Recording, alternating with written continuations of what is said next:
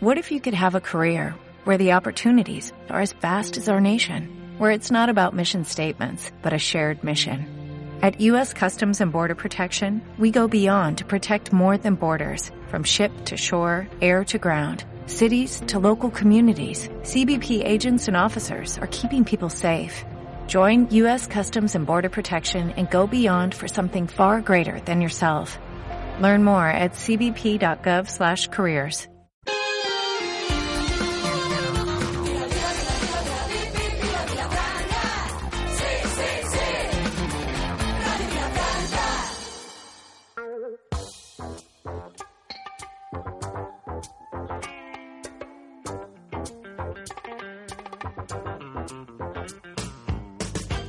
Gamma Extra, amb Sílvia Delgado.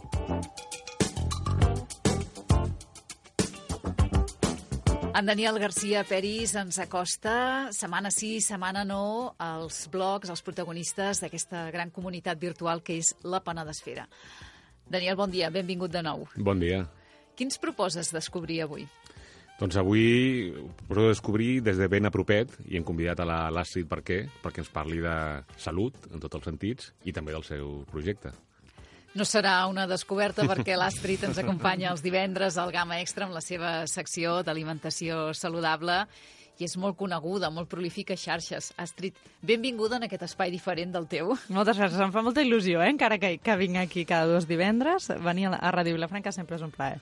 Avui visita la casa i visita el Gama Extra, però un altre dia i en un altre format. Avui ets la protagonista. Això mateix. Mm -hmm. el meu blog, més que res, sí, oi? Sí, que va ser l'inici també del projecte, no? També mm. comentaves abans. Bueno, uh, clar, jo vaig començar el blog quan... Bueno, jo era directora de la Fundació Matller i la família Matller i els patrons en general de la Fundació van decidir fer un canvi de rumb en aquesta fundació i aleshores els que conduïem aquell projecte vam saltar i bueno, jo vaig estar una mica en xoc després d'això perquè havíem dedicat moltes energies i parlant amb una, amb una bona amiga, la Gemma, que és periodista, em va dir, a la Gemma Urgell, em va dir, Astrid, tu domines d'un tema en concret, t'agrada molt comunicar-te, perquè jo sóc molt comunicativa, ja va intrínseca en mi, uh, pots seguir fent pedagogia, potser ara no des del teu lloc de treball, però ho pots fer des de les xarxes socials, per què no crees un blog? Jo no dominava gens aquest, aquest món, sí que era usuària de xarxes socials, però no, la, no els havia utilitzat de manera personal, com a marca personal, sinó que només a través de la fundació i ho portava una altra persona que era el responsable de comunicació, no? I va ser així, gràcies a la Gemma, que vaig dir, doncs vinga, va, vaig a informar-me. I res, vaig obrir un blog molt senzill de WordPress, vaig comprar un domini amb el meu nom, perquè encara no tenia un projecte professional entorn a això, i vaig començar a escriure en català sobre alimentació natural, més concretament sobre alimentació esportiva i vaig compartir-ho res a les meves xarxes socials només, que era algo, per tant, doncs, com molt del meu sector més proper i prou, i la resposta va ser molt bona, perquè al cap de tres mesos ja tenia tres números de seguidors, no? Vull dir que arribàvem a tres zeros i, vaig, i només escrivia en català, amb la qual no? Et limites. El, sí, mm. estava com més limitat i vaig dir, ostres, aquí realment hi, hi ha mercat. O sigui, la gent té necessitat de saber com alimentar-se de manera natural i, i potser més específicament en el món de l'esport, sense necessitat de ser un supercrac ni de viure de l'esport, però sí de, de mantenir un estil de vida saludable i de, de tenir l'esport i l'alimentació i el descans i no? tota aquesta vessant més salut integrativa, que és el, aquesta idea que principalment domina el meu discurs tant per escrit com oral, i, i vaig veure que el retorn era boníssim i aleshores va ser com a partir d'aquí vaig dir-me, no? Ostres, doncs potser això marcarà un nou rumb professional en mi i, i potser sí que puc treballar com a professional independent i arrel d'aquí vaig arrencar el meu projecte professional, però tot bé gràcies al blog, a escriure en un blog. Em sembla que és la primera vegada que ens expliquen una història així, no? Sí, no, no, la veritat és que eh, el fet de poder tenir aquesta manera de publicar personalment, no?, sense cap limitació d'espai de, o poder triar els temes, no?, aquesta llibertat és el que fa doncs, d'iniciar també aquestes històries. Sí, bueno, de fet, a mi el que em va passar és que hi havia gent que m'escrivia comentaris i es posaven en contacte amb mi i em deien Astrid, ens podries venir a fer una xerrada?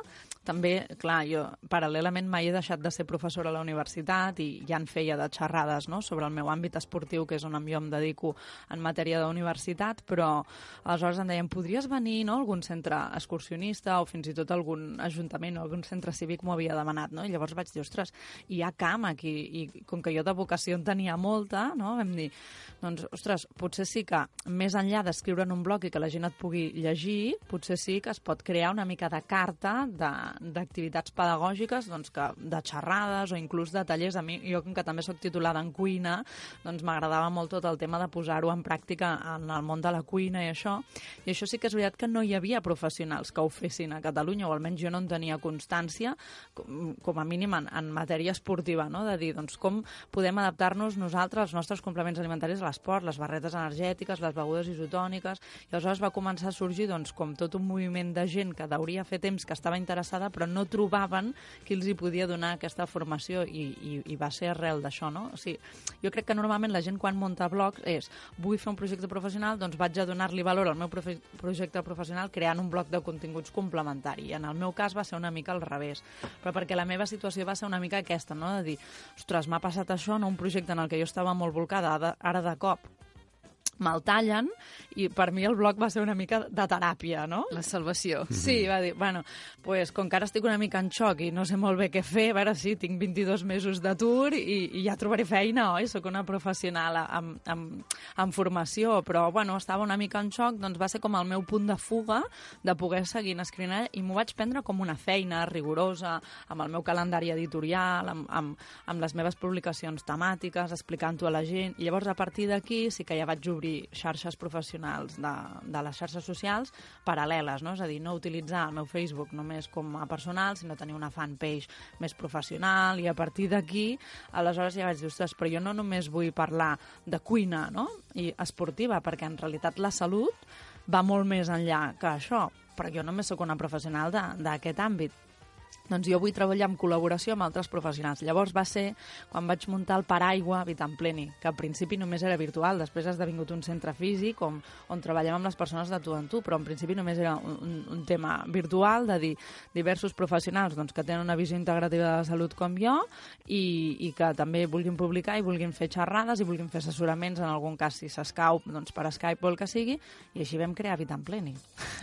Quan comença streetbarquer.com i quan arriba Vitampleni? Conveni? Doncs mira, astiperquer.com comença just després del meu comiat a la Fundació Matller, o sigui que això va ser el febrer del, del 2014, perquè a mi a finals de gener va ser quan, quan, quan em van dir que no continuàvem amb el projecte des d'aquelles directrius i re, vaig estar com una setmana així amb aquest dol, no?, que, que et passa quan no t'ho esperes, i vaig quedar amb això, amb la Gemma, per, per fer un cafè i em va dir, Astrid, has d'escriure un blog. Ella està molt ficada en aquest món, és una professional d'això, i aleshores aleshores al cap, o sigui, jo crec que vaig tornar a casa de fer el cafè amb ella i ja, ja vaig ficar-me a l'ordinador. Sí. I va ser així, el, el 2014. També et dic que quan vam crear Vitampleni, que vam crear la pàgina web i això, el blog el vaig tenir com més abandonat, perquè vaig estar com també vaig agafar més hores a la universitat perquè, clar, havia de viure econòmicament i aleshores em vaig volcar molt amb l'ensenyament a la universitat. El Degà em va donar moltes més hores i jo ho vaig agrair perquè de Vitampleni encara no em guanyava la vida i, i aleshores, doncs, clar, feia el que podia conciliant família, feina com a universitat i aquest segon projecte professional que encara era un embrió i no donava fruit econòmic, però em motivava molt. Però sí que és veritat que creant la web de Vitamplent i creant un equip i creant-ho tot plegat, eh, va quedar una mica oblidat el blog i vaig deixar una mica de ser constant. I jo crec que la clau perquè un blog funcioni és que hi hagi constància i que la gent sàpiga cada quan escrius i cada quan publiques. S'ha de ser no? metòdic, no? Sobretot. Sí. I escriure amb passió perquè t'agrada el que escrius, sí, no? Sí, però clar, si escrius de tant en tant és com que la gent mm. perd una mica el fil, no? És com a les xarxes socials, si mai no publiques, doncs la gent ja no et segueix, no? Al final la gent busca que tu els motivis i que els donis idees i que els donis recursos, que és el que necessiten. I, i va estar un, un temps, com un any i mig ben bé, uh, una mica oblidat. També va coincidir que acte seguit vaig ser mare de nou i vaig tenir el meu tercer fill, llavors ja tenia molta feina, perquè els dos primers anys d'un nadó són com una mica durs, no? I aquell any, el, el, aquells anys, el blog va estar una mica més oblidat i anava publicant de tant en tant, però sí que el meu projecte professional com a Habitant Pleni, pujava com l'escuma, no? Aquí sí que teníem molta feina, que no volia dir que tinguéssim molt bon retorn econòmic, perquè els principis són molt durs, però sí que teníem molta feina i, i jo estava molt motivada per aquest projecte i ens hi vam dedicar molt. I ara, actualment, estic en un moment on Vitampleni està molt més estabilitzat, jo pràcticament deixo la universitat, de fet, aquesta setmana m'acomiado de les classes presencials ja, només em quedaria amb, el, amb alguna cosa online que tinc a la meva facultat i després a la UOC també, que m'han fet professora experta, però això online sí que em veig en cor de conciliar-ho, i, i viurem ja pràcticament del projecte Habitant Plen i això vol dir que li podré dedicar moltes més hores. I ara sí que torno a ser molt constant amb les publicacions al blog perquè realment tinc com molta necessitat. Però ja no és algo només de projecte sinó que és algo molt meu de que tinc necessitat de tornar a tenir aquesta periodicitat, d'escriure d'aquest retorn amb la gent, perquè et nodreix molt el retorn amb la gent. Perquè el blog no és només escriure, sinó el que et torna la gent amb els seus comentaris o, o com ho comparteix a les xarxes socials amb el seu comentari. I això et dona tanta informació que després pots adaptar al teu discurs. Jo com dedico a la pedagogia, no? Si fos més de l'àmbit tècnic, no sé, les meves nutricionistes del centre, per exemple, no tenen tant aquesta visió però perquè elles són més tècniques, no? Al final és el que han estudiat i van d'aplicar-ho amb cada un. Però jo que em dedico més a la pedagogia, que el que hem de fer és intentar adaptar a que la gent amb la seva vida del dia a dia, dia a dia pugui cuidar-se, doncs la informació que et donen està molt bé, no? dir, "Mm, és que Albert em costa, o és que el meu fill em diu que no, no? O és que no aconsegueixo mm, tenir ganes de cuinar-me sa a la nit. Bueno, totes aquestes informacions et serveixen i el blog et permet informació d'anada i de tornada i penso que això és el més interessant. I el fet de fer-ho en català sí que abans comentàvem que limita, però també t'apropa, no? Crea una comunitat i, i entres en un nínxol que, que, no, que no hi era, no?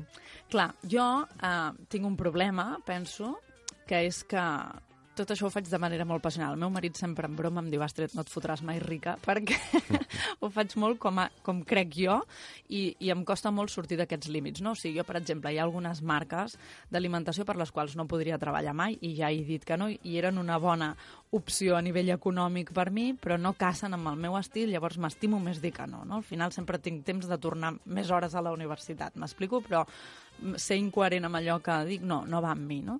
Llavors, clar, a mi en castellà em costa particularment. I també et dic una cosa, jo visc en un moment de vida, ara començo a veure amb les orelles, perquè el meu petit ja té dos anys, però fins ara jo estava molt dedicada a la maternitat perquè així ho volia, és a dir, jo he tingut tres fills a consciència perquè vull fer-ne de mare. Tampoc me n'aniré a Madrid a fer una conferència, o a l'Aragó, o a València, m'és igual, perquè em suposa perdre tot un dia per anar a fer una conferència o per anar a fer un taller, no? I per lo de, ja, ja alguna vegada m'ha sortit l'oportunitat d'anar a Madrid i he dit que, que no, malgrat que em pagaven les despeses de viatge, no? Llavors, com que ara tampoc no tinc previst de sortir fora de Catalunya a fer pedagogia, tampoc té massa sentit que ho faci en, en castellà, no? Que la gent, a vegades per les xarxes socials la gent m'ho diu, quina llàstima, no? En castellà m'ho diuen, que només publiquis en castellà perquè, per exemple, per Instagram és molt difícil fer un còpia i, i, i posar-ho al Google Translate per traduir-ho i em serviria molt. Ja, però al final mm, jo, que sóc molt vocacional, també hem de tenir un retorn no? d'aquesta acció que fas i si realment les xarxes socials només les fas per fer pedagogia perquè tens una ONG o una fundació, doncs fantàstic, fes-ho fins i tot en anglès perquè arribis al màxim de gent possible. Però al final jo he decidit dedicar la meva vida a això i per tant també n'haig de tenir un retorn econòmic. Mm, Per voyagers no ho faig, m'explico? Ho faig per gent que realment després poden arribar a una crida a l'acció que nosaltres fem i realment invertir-hi no? Un, uns diners a la seva vida doncs, per cuidar-se i per estar més sa. Llavors, de moment, com que he decidit que no em moc de Catalunya, de moment ho farem català. Sé que és una cosa que hauré de canviar, eh? però com que a nivell personal encara no puc, ja arribarà, no tinc pressa. L'Astrid és un atxa, domina les xarxes socials com Bueno, poques persones. Tinc Els- algú que m'ajuda, eh? Trampilla. Els eh? divendres, quan ve aquí a fer la secció d'alimentació saludable, per quants canals més surt aquesta conversa, aquesta secció? Surt en directe en un vídeo de YouTube, en el canal de Vitam Pleni, surt en directe al meu Instagram, d'Astrid Barquer, i surt en directe també a la fanpage d'Astrid Barquer, en un vídeo. O sigui, fem vídeo, porto els, els tres dispositius en pantalla, fa riure i tot, no, abans vam fer una foto, oi, Sílvia? El, el background, al darrere de... Sí, perquè és una manera de que arribi a més gent, no? Perquè la veritat és que jo, de fet, he aquí he tingut una sorpresa també molt grata, i és que, clar, jo he muntat un centre físic a Vilafranca, el tinc al Tívoli, vull dir que tampoc és, un, és una zona allunyada, podria venir... Quan neix Vitampleni físicament? Vitampleni físicament neix fa... A veure, jo estava embarassada del Guigo, doncs farà 3 anys ara al juny. I, I la meva sorpresa és que quan vaig començar a fer tallers físics, presencials, a la petita aula de cuina que tinc, que és humil, però ja ens dona la vida per fer-ho, venia molt poca gent del Penedès. O sigui, venia gent de Figaró, de Granollers, de... o sigui, que feien hora i pico de cotxe doncs, per, per poder venir. Vaig dir, ostres, aquí alguna cosa està passant. O sigui, el poc... pu- Clar, també el que faig jo és molt específic, ja ho sé, eh? però el poc públic que hi ha potser ja ens l'hem acabat, a Vilafranca, o no, o, o, o potser la gent de Vilafranca no creu amb els professionals de la vila, no ho sé, no, no ho he valorat, eh, tampoc. I aleshores se'ns va... Eh, clar, i a nivell digital, i el ressò és molt bèstia, perquè les xarxes socials, no? a Instagram, a veure, tinc 6.000 seguidors, que tampoc és una superquantitat, però, clar, no són de Vilafranca la gran majoria, no? o del Penedès, eh? Llavors vaig dir, vale, ens hem d'obrir un mercat que és la part online, no? Si tinc 7.000 seguidors al blog, 6.000 a l'Instagram, tal, i després faig un curs presencial i venen 6 persones, vol dir que, no, que, que la, les barreres físiques són un problema, amb la qual la, la part online t'obre les portes al·lucinant. I, de fet, aquesta setmana passada vam començar més seriosament en fer tallers i xerrades online. És a dir, els professionals estem en el centre, ho fem en allà, però fem un show cooking. Jo, per exemple, he estat fent un show cooking i la gent ho presencia de manera online des de casa seva o des d'on vol, no? Llavors fem, de moment no tenim plataforma perquè tot això encara és, és un projecte, però obrim un grup privat de Facebook on només els incluïm quan, quan han pagat la inscripció, jo poso el mòbil amb un trípode allà davant i vaig xerrant jo sola, que fa una pena terrible, no? perquè estic jo sola a l'aula de cuina amb el mòbil davant i aleshores amb, amb un altre mòbil o amb l'ordinador vaig veient si em fan preguntes perquè si ho viu en directe sí que poden interactuar amb mi. No? Clar, això et dona... Obre un món, no? Clar, o sigui, pensa que nosaltres tenim eh, clients que viuen a Londres o que estan estudiant a l'estranger i, i que poden seguir formant-se en català, amb contingut que els agrada, amb professionals d'aquí a Catalunya, no? I a mi, a mi això em sembla formidable. Jo sóc molt fan de, de l'online. M'hi he tornat arrel de tot això. Sobretot aquest, aquest feedback que, que comentaves, no? que també, igual també eh, t'afecta al tema de les següents eh, matèries no? que vols explicar, doncs mm. també t'influeix, no? que una mica, és una mica la selecció de, dels clients, com tu deies. No? Sí, sí, totalment. Bueno, clar, com, com menys barreres tens, més específic pots treballar, perquè, clar, aleshores et pot venir gent de, de tot arreu, no? I ja per, després, quan faci el pas en castellà, se t'obre el món de Llatinoamèrica, que també és un món eh, que, que està molt, molt poc explotat en aquest sentit, no? I, per tant, que també hi podríem arribar. I, clar, aleshores el públic canvia, certament, perquè la gent del món online és una mica més jove, la gent més gran, doncs, potser no, li costa més, no?, el fet de no tocar directament al, al professional. Um, també tenen un grau de cultura mig alt, perquè si no és possible que no hi estiguin ficats, almenys en, en aquí, i aleshores els temes que demanen ja són com molt més concrets, com, com molt més exigents. Em recordo una mica més a, a, la meva, a la meva vessant més universitària, moltes vegades algunes de les preguntes que ens fan, i potser quan et venen aquí la gent és com més, no sé com dir-ho, com més campatxana, bueno, saps? Que al final el que volen és cuinar i passar una estona agradable i ja està, i en canvi online ja buscant més contingut i, i la recepta és un punt més a favor, però el que de veritat busquen és el teu discurs que els solucioni problemes. Donada la teva experiència, quina és la clau per petar-ho a les xarxes, per tenir seguidors? Saps que no ho sé, Sílvia, no ho sé massa. Vull dir, que no, no m'hi he posat massa a estudiar perquè a mi m'ha vingut una mica mm, sense voler tot això. És a dir, jo tampoc me'n vaig anar a una agència de comunicació especialitzada, hi vaig dir, ei, vull dedicar-me a això i crec que online és la manera i vull patar. I em van orientar sobre això. No, jo ho he anat descobrint sobre la marxa. Jo la meva clau, o sigui, com ho faig jo, que no sé si és com a la gent els hi agrada o no, és fer-ho tot com, com molt natural, no? O sigui, al final jo faig publicacions on surten els meus fills, que mai mai m'ha fet vergonya ni, ni m'ha fet por, potser faig malament, eh? però publicar-los i els hi explico doncs, si mengen bròquil o no i, i, i si, si els agrada una cosa o una altra i crec que això ho fa com més proper i la gent s'hi sent com més identificada. No? Jo me n'adono que també tenim xarxes socials i també creem contingut des de la web de Vita en Pleni i no té tant èxit perquè en el fons la gent el que busca no és només que hi hagi un nom personal a darrere, sinó que hi hagi una realitat. Que després és cert, perquè jo també segueixo alguns influencers i tal, que segur que no tot el que publiquen és del tot veritat, no? I a vegades a mi, la responsable de màrqueting de Vitampleni em diu Astrid, t'has de currar molt més aquestes fotos dels sopars, perquè és com com molt cutres, no? Em diu, són com massa allò. Tal ja, qual. però és que és el meu sopar, o sigui, no, no ficaré focus allà i tal, vull dir, jo aprofito el sopar que jo faig per compartir-lo a la gent, si això li pot donar idees a la gent, doncs fantàstic. Per tant, la meva clau ha sigut ser tal qual, natural, i, i publicar coses que a mi em sembla que els hi poden anar bé, i llavors qui vol s'hi afegeixi, qui no, no, però no, no, no ho he desenvolupat més enllà que això.